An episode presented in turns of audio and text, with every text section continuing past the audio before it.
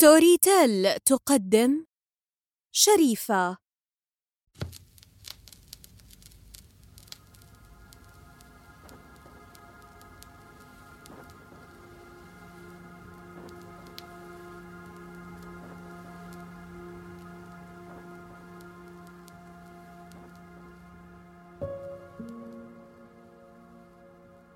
حكت لي خالاتي مرارا عن اليوم الذي كنت فيه طفلا ذا ثلاثة أو أربعة أعوام واضطرت العائلة كلها للمبيت في منزل واحدة منهن. قلن لي ضاحكات إنني عند حلول المساء ومجيء موعد النوم بدأت أتوتر. صرت أجول في المنزل لتحديد أماكن النوم المتاحة وبعصبية أوزعهن بين تلك الأماكن. ولم أسترح يومها حتى استجبن لي وهن غارقات في الضحك ويرددن شريفه اشتغلت. قاصدات أمهن جدتي التي ماتت قبل رشدي. لكنهن يواصلن حكايتهن بأن مخها ما كانش بيهدى بتقعد تفكر في خمس تلاف حاجة وتتوتر كده زيك من أقل حاجة.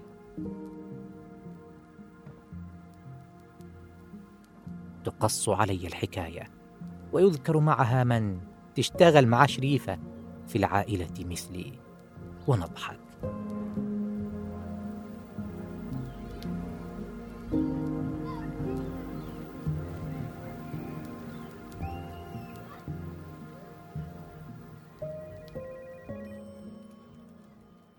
تذكرت هذه القصة بينما أحاول السيطرة على نفسي في مكتبي بالشركة التي أعمل بها مع أربعة من الزملاء. أراهن أنهم بدأوا في إحصاء عدد السجائر التي أخرج لتدخينها في الشرفة في الساعتين الأخيرتين. كانوا خمسة وكنت أحتاج إلى السادسة الآن. لكنني كنت قلقا من أحكامهم علي رغم أن بعضهم مدخنون إما أنهم يتساءلون في صمت عما إن كنت أحاول الانتحار اليوم بالتدخين. ليت ذلك كان ممكنا أو أنهم ممتعضون من أداء اليوم في العمل حتى وإن لم يكن لهم سلطة علي. أقاوم رغبتي في السيجارة وأبحث مجددا عن أعراض الأنزايتي أو كما تترجم على ويكيبيديا القلق. وأفكر في أن خالاتي التي منهن طبيبات ومنهن من تزوجن من أطباء لم يدركن أن شريفا اللي بتشتغل على الأرجح. هو المرض النفسي الذي يهزني من الداخل الآن.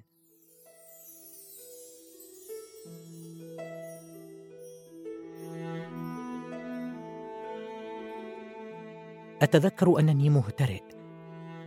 فأنظر حولي لأتفحص أعين الزملاء وأقاوم التهاوي على لوحة المفاتيح. شغلك يا ابني شغلك يا حبيبي اشتغل بلاش لكاعة. ترسم الكلمات داخل رأسي فأنظر لساعة جهاز الكمبيوتر. مرت أربع ساعات منذ دخول المكتب. أحسب مجددا صافي ساعات إنتاج اليوم. فأجدها اثنتين. يزداد توتري. أفكر في وجه مدير المحبط حين أخبره بذلك. هل أخبره؟ أم أخفي الأمر؟ هو لا يسألني أصلا عن مثل هذه الأشياء. أكاد أكون مدير نفسي هنا. لكن الذنب يلتهمني. أشعر بأن ألف سيجارة تطفأ في لحمي من الداخل. هل لهذا علاقة بالتدخين؟ هل لو كان مديري متسلطا ستصير حياتي أسهل؟ هل المسؤولية هي التي تقبض الآن على نفسي؟ هل أحتاج للذهاب إلى الطبيب مجددا؟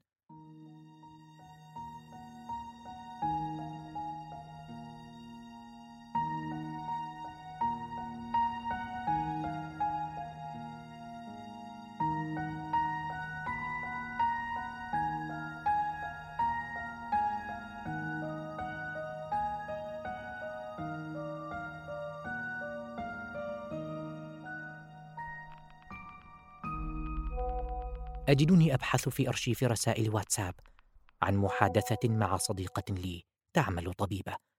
كنت أحكي لها منذ ثلاثة أعوام عن سير جلساتي مع الطبيب النفسي حينها الذي شخصني في الجلسة الأولى باضطراب الشخصية الحدية.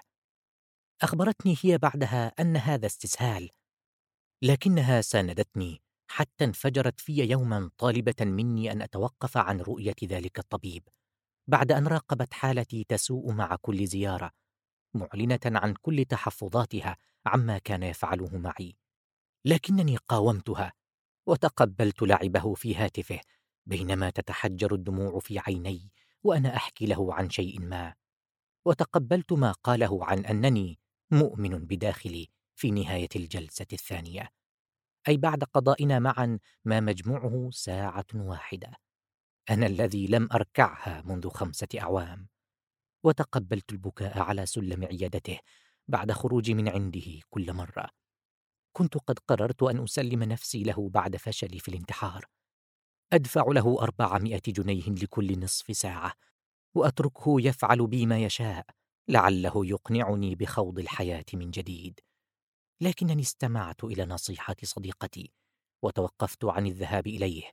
حينما انهرت في عملي القديم. وحبست نفسي في الحمام لنصف ساعة لا أفكر إلا في الانتحار. فتحاملت على نفسي وتواصلت معه. وفقا لاتفاقه معي إن راودتني هذه الأفكار.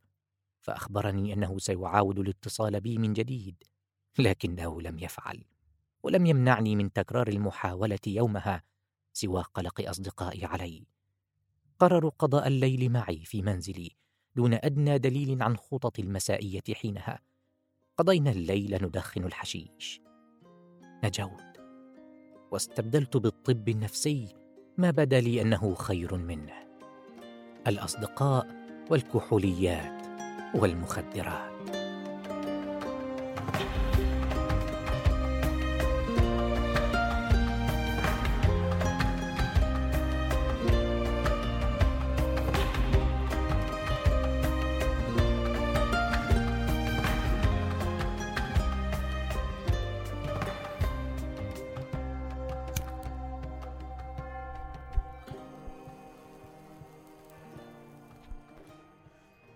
أسحب نفسا من السيجارة.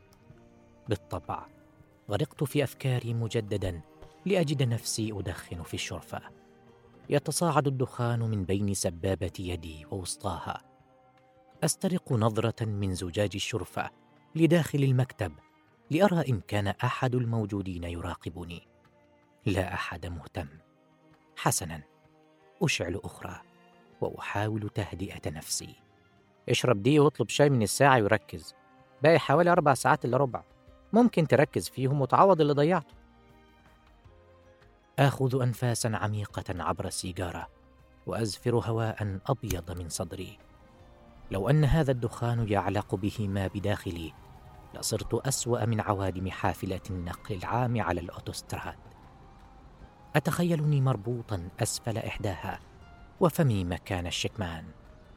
تتطور الفكرة لتخيل حادث ترتطم فيه سيارة مسرعة بمؤخرة الحافلة فينفجر رأسي الذي تحول إلى شكمان إلى أشلاء متناثرة على الطريق. يصرخ الماره وأرتاح.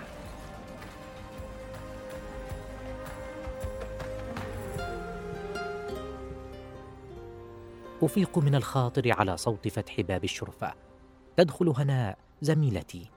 باحثة عن ولاعة فأخرجها من جيبي وأشعل سيجارتها وهي في فمها تدخن في صمت فأهلع هل كان من المفترض أن أعطيها الولاعة في يدها بدلا من إشعال سيجارتها؟ هل تظن الآن أنني أتودد إليها؟ هل تضايقت؟ كيف أغير هذا الشعور عندها؟ لماذا هي صامتة؟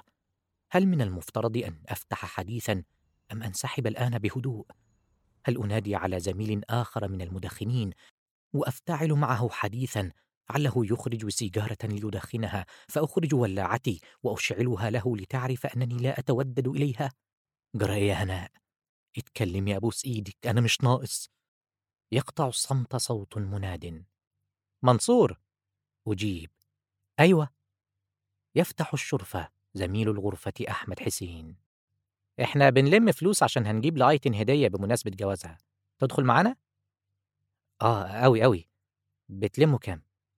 الواحد 400 جنيه بس لو مش هتقدر ممكن تدفع أقل أفكر سريعا لما يظن أنني لن أقدر على دفع هذا المبلغ؟ هو مبلغ كبير بالفعل لكن هل يسأل الجميع نفس السؤال؟ أصلا لا علاقة لي بآيتن هي تعمل مع فريق آخر ولا نلتقي إلا قليلا ولم أربعمائة جنيه تحديدا؟ هل نشتري لها جلسات علاج نفسي عند طبيب السابق؟ أعتقد أنها تحتاج مثلي إليه. و... تمام هعدي على الاي ام بعد الشغل وأجيبهم لك بكرة. حلو جدا عقبالك. وأنت يا هناء؟ أراقبها تومئ بينما تسحب نفسا من سيجارتها وتخرج محفظتها من جيبها لتعطيه الأربعمائة جنيه فيمزح معها قليلا. ويدخل بينما رأسي يشتعل لما سألني أنا بالتحديد عن مقدرتي ولم يسأل هناء عن ذلك هل يظنون أنني بخيل أم معدم أم ماذا؟ هل لهذا علاقة بأنني لا أشاركهم طلب الطعام بشكل يومي في ساعة الاستراحة كما يفعلون؟ هل لذلك شيء له علاقة بملابسي؟ أحاول كبح جماح أفكاري هو لم يكرر سؤال هناء عن مقدرتها لأنها وقفت بجوارنا طيلة المحادثة فلا داع لإعادة الأسئلة من جديد. أتنفس الصعداء قليلا. ألتقط علبة السجائر الموضوعة على الطاولة. الموجودة جوار محفظة هناء. بعد أن وضعتها هنالك بعد أن أعطت حسين الأربعمائة جنيه. أعطتها له على الفور. على عكس أنا الذي أخبرته أنني سأنتظر حتى الغد. أهذا إثبات على حقيقة شعور حسين تجاهي. أنني لن أقدر على دفع الأربعمائة جنيه. أنتحي جانبا في الشرفة. أخرج محفظتي. وأخرج البطاقات التي بها. كأنني أراجع شيئا ما. وأعد العملات النقدية الموجودة بها. أكثر من أربعمائة بقليل. لكنني سأعطيه عملات من فئات مختلفة وصغيرة. على عكس هناء التي أخرجت له مئتين اثنتين من محفظتها. سيكون منظري سخيفا وأنا أفرغ محفظتي على مكتبه. ألمح بطرف عيني هناء تدخل إلى المكتب وهي تنظر لي في وضع الغريب. يزداد توتري بشدة وأدخل محفظتي سريعا وأدخل خلفها.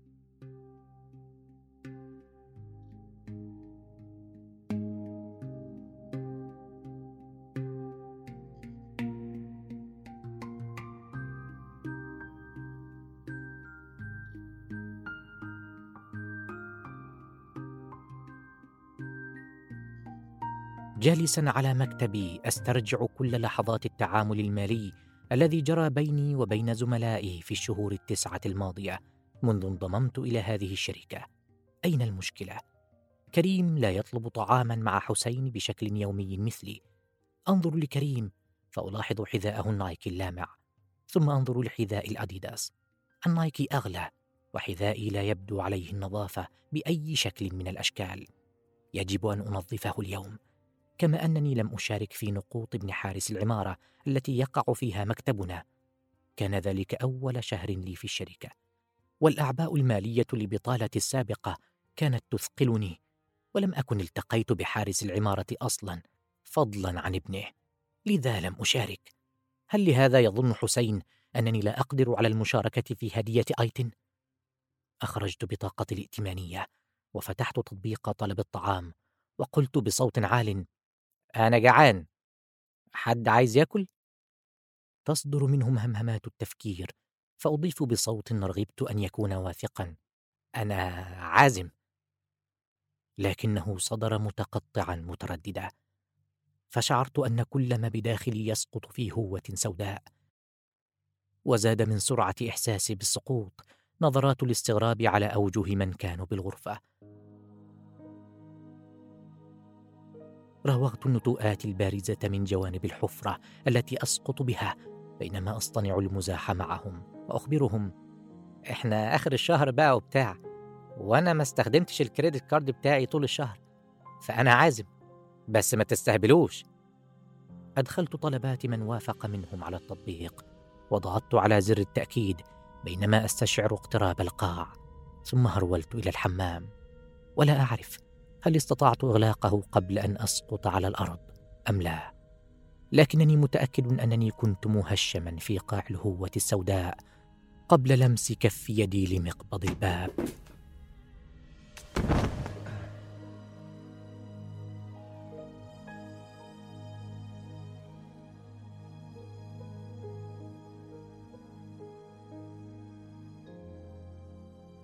الساعات الطويلة التي قضيتها مستلقيا على ظهري على أرض الحمام أصارع الثقل والسواد. اتضح أنها عدة دقائق. لكن النظر في الساعة لمعرفة هذه المعلومة عرفني أن خمس ساعات قد مضت على دخول المكتب. منهم ساعتان فقط صافي إنتاجيتي لهذا اليوم. أتدحرج على جنبي وأتنفس ببطء. أشعر أن الباب شفاف وأن المارين بجواره باستطاعتهم رؤيتي فأتكوم في وضع الجنين لساعات دقائق أخرى حتى تنساب بروده سيراميك الأرض إلى خدي الملتصق به فأتحامل على نفسي وأقف. أبحث في مشاعري عن الاشمئزاز دون جدوى فأغسل وجهي بينما ذهني على وضع القيادة الآلية.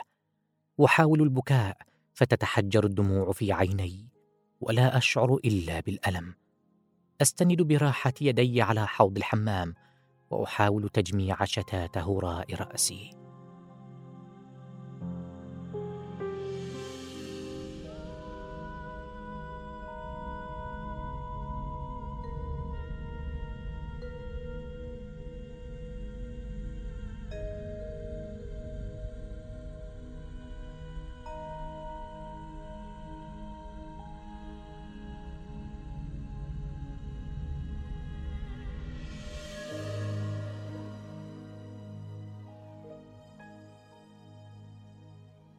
حسنا. باق من الوقت ثلاث ساعات ثم أعود لمنزلي لأدخن سيجارتي حشيش. حينها ستقل سرعه رأسي وتنساب غمامة جميلة عليها تحجبها عن كل ما هو محيط. أفكر أحيانا في أن هذه الغمامة تشبه الأقمشة الحريرية التي تنساب على أجساد فتيات إعلانات الشوكولا وكريمات حلاقة السيدات. يحميني الحشيش من رأسي ويحفظ لي الجزء السليم المتبقي منها.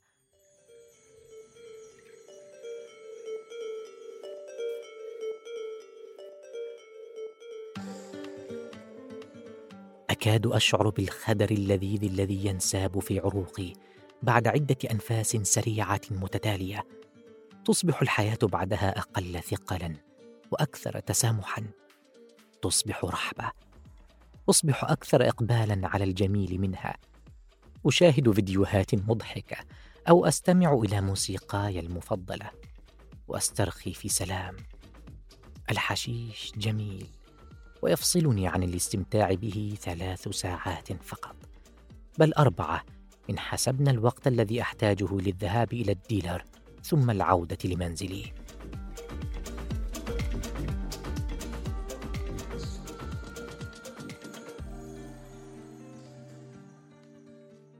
يرتطم برأسي خاطر بطرح أموال التنقل من وإلى المكتب وتكاليف الطعام ونصيب من هدية ايتن من المبلغ المتبقي في حسابي البنكي. لن يتبقى معي سوى مئة جنيه. لن تكفي بالطبع لشراء احتياجي من الحشيش. يختفي إحساس الخدر الوهمي من جسدي ويعود الألم بقوة ليسري في عروقي. فتتألم رئتاي وتتباطأ في أداء عملها محتجة. أغمض عيناي ثم لا إراديا أبدأ في ضرب جبهتي بمعصمي.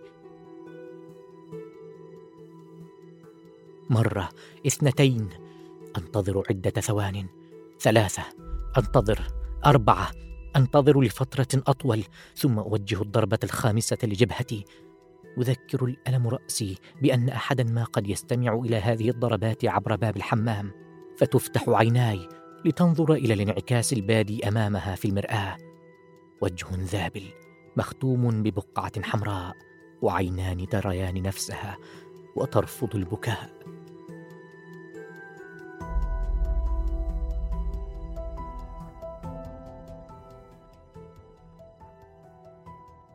أخرج من الحمام إلى مكتبي وأسير متثاقلا جارا أذيال عقلي محاولا بفشل ذريع ستر بقعة الخزي الحمراء على جبهتي. لا أحد يهتم بالنظر إلي أصلا. الجميع سواي منهمك في عمله. أجلس على مقعدي وأحاول بشكل آلي مواصلة ما كنت أفعله قبل ملايين الأفكار. أشعر أنني أحاول دفع سيارة نقل ضخمة تسير نحوي إلى عكس اتجاهها. أفكر أنها حتما ستسحقني تحتها فأتراجع للخلف رويدا رويدا بينما تتقدم هي. عين على لوحة المفاتيح وأخرى على السيارة المتقدمة نحوي. واحدة واحدة واحدة واحدة. لا داعي لإيقاف السيارة الآن. تراجع برفق واكسب وقتا حتى ينفد وقودها. واحدة واحدة واحدة واحدة. أي خطأ سيكلفك الباقي من عقلك. هل تضخم الأمور؟ بالطبع لا. لن أستطيع الحضور غدا إلى العمل. لأخبر مديري أنني تأخرت عن جدول التسليمات الذي وضعته بنفسي بداية الأسبوع. مجرد التفكير في ذلك يجعل قدماي تنغرسان في الرمال أمام السيارة. وحدة وحدة. لن أبالغ إن قلت إن الاستقالة تبدو خيارا هينا أمام ذلك. لكن شهور البطالة السابقه لهذه الوظيفة لم تكن جيدة. كدت أنفصل عن صاحبتي والعطف الزائد من أبي حين طلبت منه مبلغا ماليا لدفع ايجار شهرين متأخرين جعلني متوترا. ناهيك عن نظرات الإحباط التي توجهها إلي أمي وسؤالها الدائم عما إن كنت أبحث بجدية عن وظيفة جديدة وكأنني سعيد بالفقر وانعدام الدخل. الاستقالة من العمل الجديد ستؤدي بي إلى كل ذلك مرة أخرى. وانعدام التركيز في العمل يكاد يجنني. لما أواصل العيش أصلا؟ لما أستمر في المحاولة؟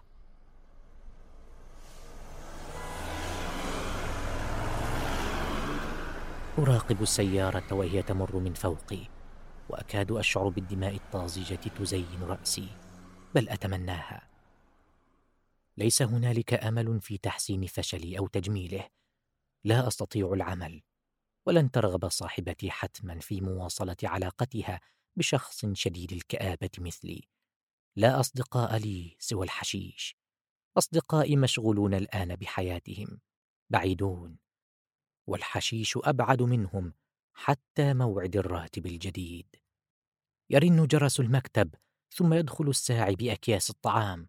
يشكرني الزملاء بينما يلتهمونه وأنا أدسه في فمي دسا رغم أنني لست جائعا.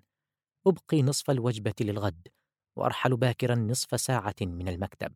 وخطتي هي أن اتمارض غدا لأخذ إجازة. وأبقى في المنزل لأنهي عملي المتأخر كي آتي بعد غد في حال أفضل.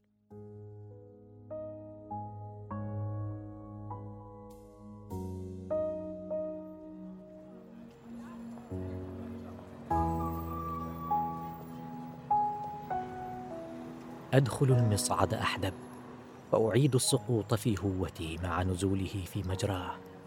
أخرج منه إلى مدخل العمارة مهشما وأحبو في شوارع المدينة التي تبتلع الجميع.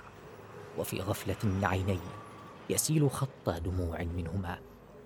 أقف بعد عدة أمتار لأراسل صديقتي الطبيبة سائلا إياها عن ترشيح لطبيب نفسي وأدعو لجدتي شريفة.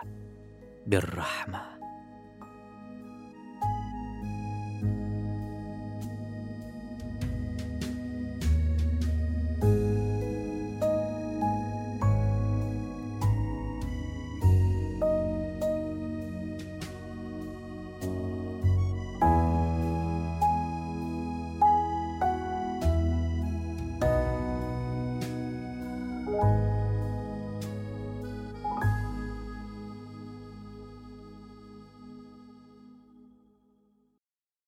ما تشعر به يشاركك فيه حوالي 10% من البشر. يصيبهم مثلك أعراض القلق العام ويمرون بالتجربة التي وصفتها خالاتك بخفة ظلهن ممتزجة بأعراض إرهاق وإحساس الألم مثل ما وصفت أنت في قصتك.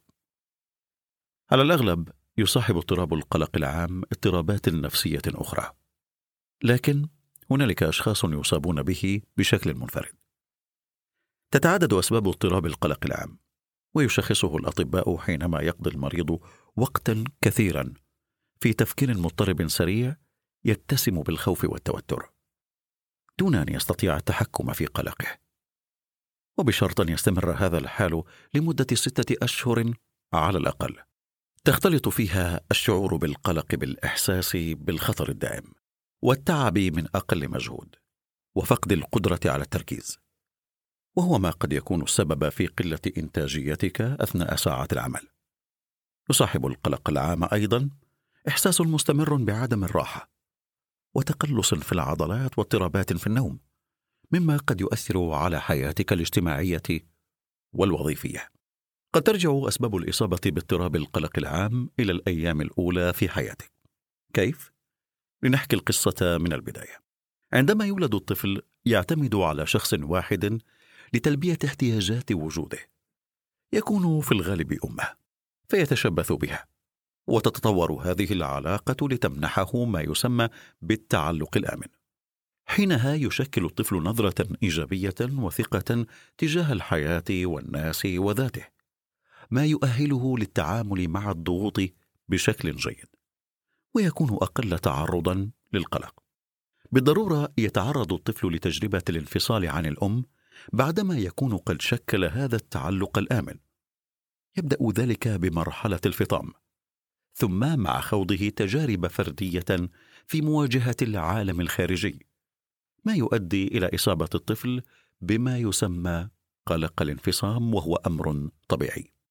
تكمن المشكلة في حالة عدم تكوين الطفل للتعلق الآمن أو الأمان الأساسي أو في حالة انتقال القلق مع الطفل إلى مراحل البلوغ ثم الرشد. فيصاحبه بعد ذلك أعراض قلق شديدة في علاقته بالناس وشعور دائم بأنهم على وشك تركه. وينتقل اضطراب القلق العام عن طريق الجينات. يتجلى ذلك في قصتك.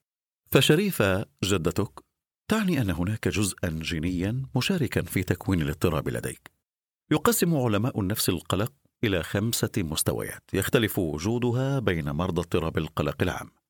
الأول القلق من تفسخ وتفكك شخصيتك فتراودك أسئلة عن هويتك.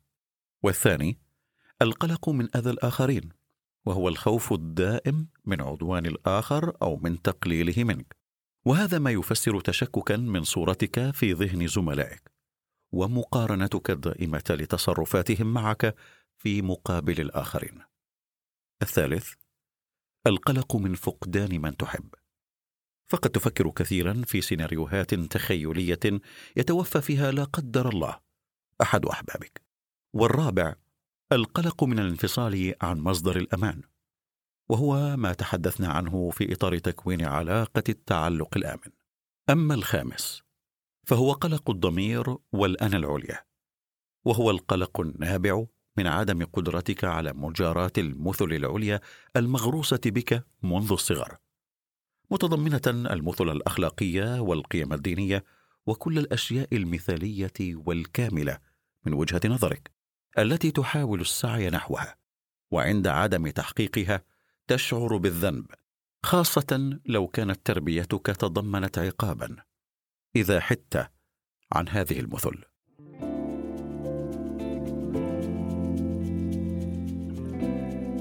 أما بخصوص تجربتك السابقة في العلاج النفسي فقد ذكرت أن طبيبك قد شخصك باضطراب الشخصية الحدية ويبدو أنك لم تكن راضيا عن هذا التشخيص فدعنا نتحدث عنه قليلا.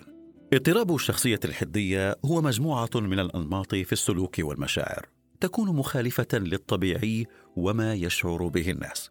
تظهر في الطريقة التي يفكر بها الشخص سواء في نفسه أو في الآخرين وفي حدة مشاعره وقوتها وقدرته على تنظيمها. وللمصابين باضطراب الشخصية الحديه بعض السمات التي تساعد الأطباء النفسيين على تشخيصهم. فهم يحسون بشكل دائم بالاضطهاد سواء كان حقيقيا أو متخيلا وبذل مجهود كبير لحماية النفس منه. وتكون علاقتهم بالأشخاص مضطربة. تتأرجح بسهولة بين التقديس التام والتحقير التام. فالشخص الذي تحبه اليوم وتراه أعظم إنسانا في الوجود يحتاج إلى موقف واحد فقط كي تراه الشيطان الأعظم. يصبح تفكيرك قطبيا.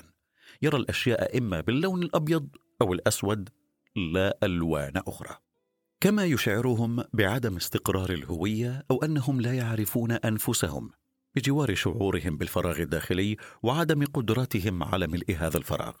وأيضا يندفعون في أمور خطره وغير محسوبة مثل تناول العقاقير أو المواد المخدرة ويعانون من التقلبات المزاجية وعدم القدرة على التحكم في غضبهم. وكل ذلك مع إحساس بالانفصال عن النفس والواقع. من حكايتك يمكن استخلاص بعض السمات التي يشخص بها مرضى اضطراب الشخصية الحدية. لذا لا تكن ساخطا على طبيبك السابق. وأنا يا صديقي العزيز أتفهم إحباطك من تجربه العلاج معه التي قد لا تكون مثالية. لكن التشخيص أداة لمعرفة ما يدور بداخلك. كي يستطيع طبيبك وضع خطة علاجية مناسبة له. ليس حكما أو اختزالا وليس لافتة يضعها الآخرون عليك. أنصحك أن تعاود الذهاب إلى طبيب نفسي وأن تعطي نفسك وتعطيه هو الآخر فرصة. للوصول إلى تشخيص سليم يوضع بناء عليه خطة علاجية. وحتى وإن احتاج العلاج النفسي لفترة طويلة. لكن الطبيب سيساعدك على المدى القصير في تخطي العقبات اليومية والمواقف الموترة. فمثلا إن تم تشخيصك باضطراب القلق العام فقط سينصحك الطبيب بأداء بعض تمارين الاسترخاء والتأمل وهي كثيرة ومتنوعة لكنها تحتاج إلى المواظبة كي تؤتي ثمارها وقد ينصحك أيضا بالرياضة. فممارستها بانتظام تعمل على تنظيم الجهاز السمبثاوي المسؤول عن أعراض القلق والتوتر وترفع من مستوى هرمونات الاسترخاء والسعادة بالجسم وتقلل من هرمونات التوتر. سيدربك الطبيب على ممارسة بعض مهارات العلاج المعرفي السلوكي. عند التعرض لموقف مؤثر في قلقك. فمشاعرنا غالبا وراءها أفكار سريعة تلقائية تحدث في ثوان معدودة دون وعي كامل منا. تفسر الأحداث وتتدفق مشاعرنا وفقا لتفسيرها ونتصرف بعد ذلك وفقا لهذه المشاعر.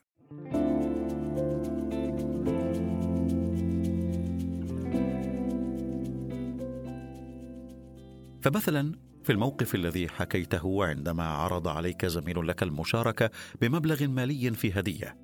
تمحورت أفكارك حول تقليله من شأنك أو نظرته لك على أنك أقل من الباقين. أدى ذلك إلى تدفق مشاعر دونية إليك ومشاعر غضب. تصرفت على أساسها وحاولت تعويضها بتحمل تكاليف غداء زملائك رغم عدم قدرتك ماليا على ذلك. ولم تفكر في وجود أي تفسيرات أخرى للموقف. واقتنعت تماما باستنتاجك الذي قفزت إليه. وهذه طريقة تفكير خاطئة مثلها مثل الأحكام القطبية المتطرفة.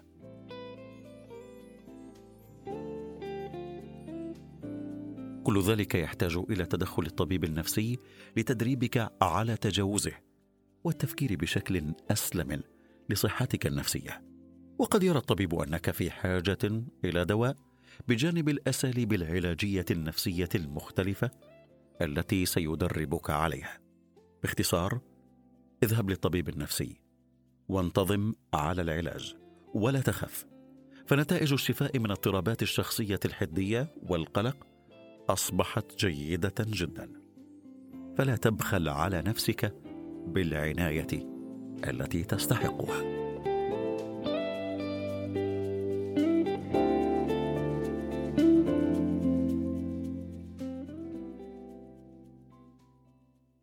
قدم الإرشاد النفسي الطبيب النفسي جون كمال. هذا المحتوى مقدم من Storytel ومدعوم وممول من قبل مشروع CFI المشغل من قبل وزارة الشؤون الخارجية والتنمية الدولية الفرنسية.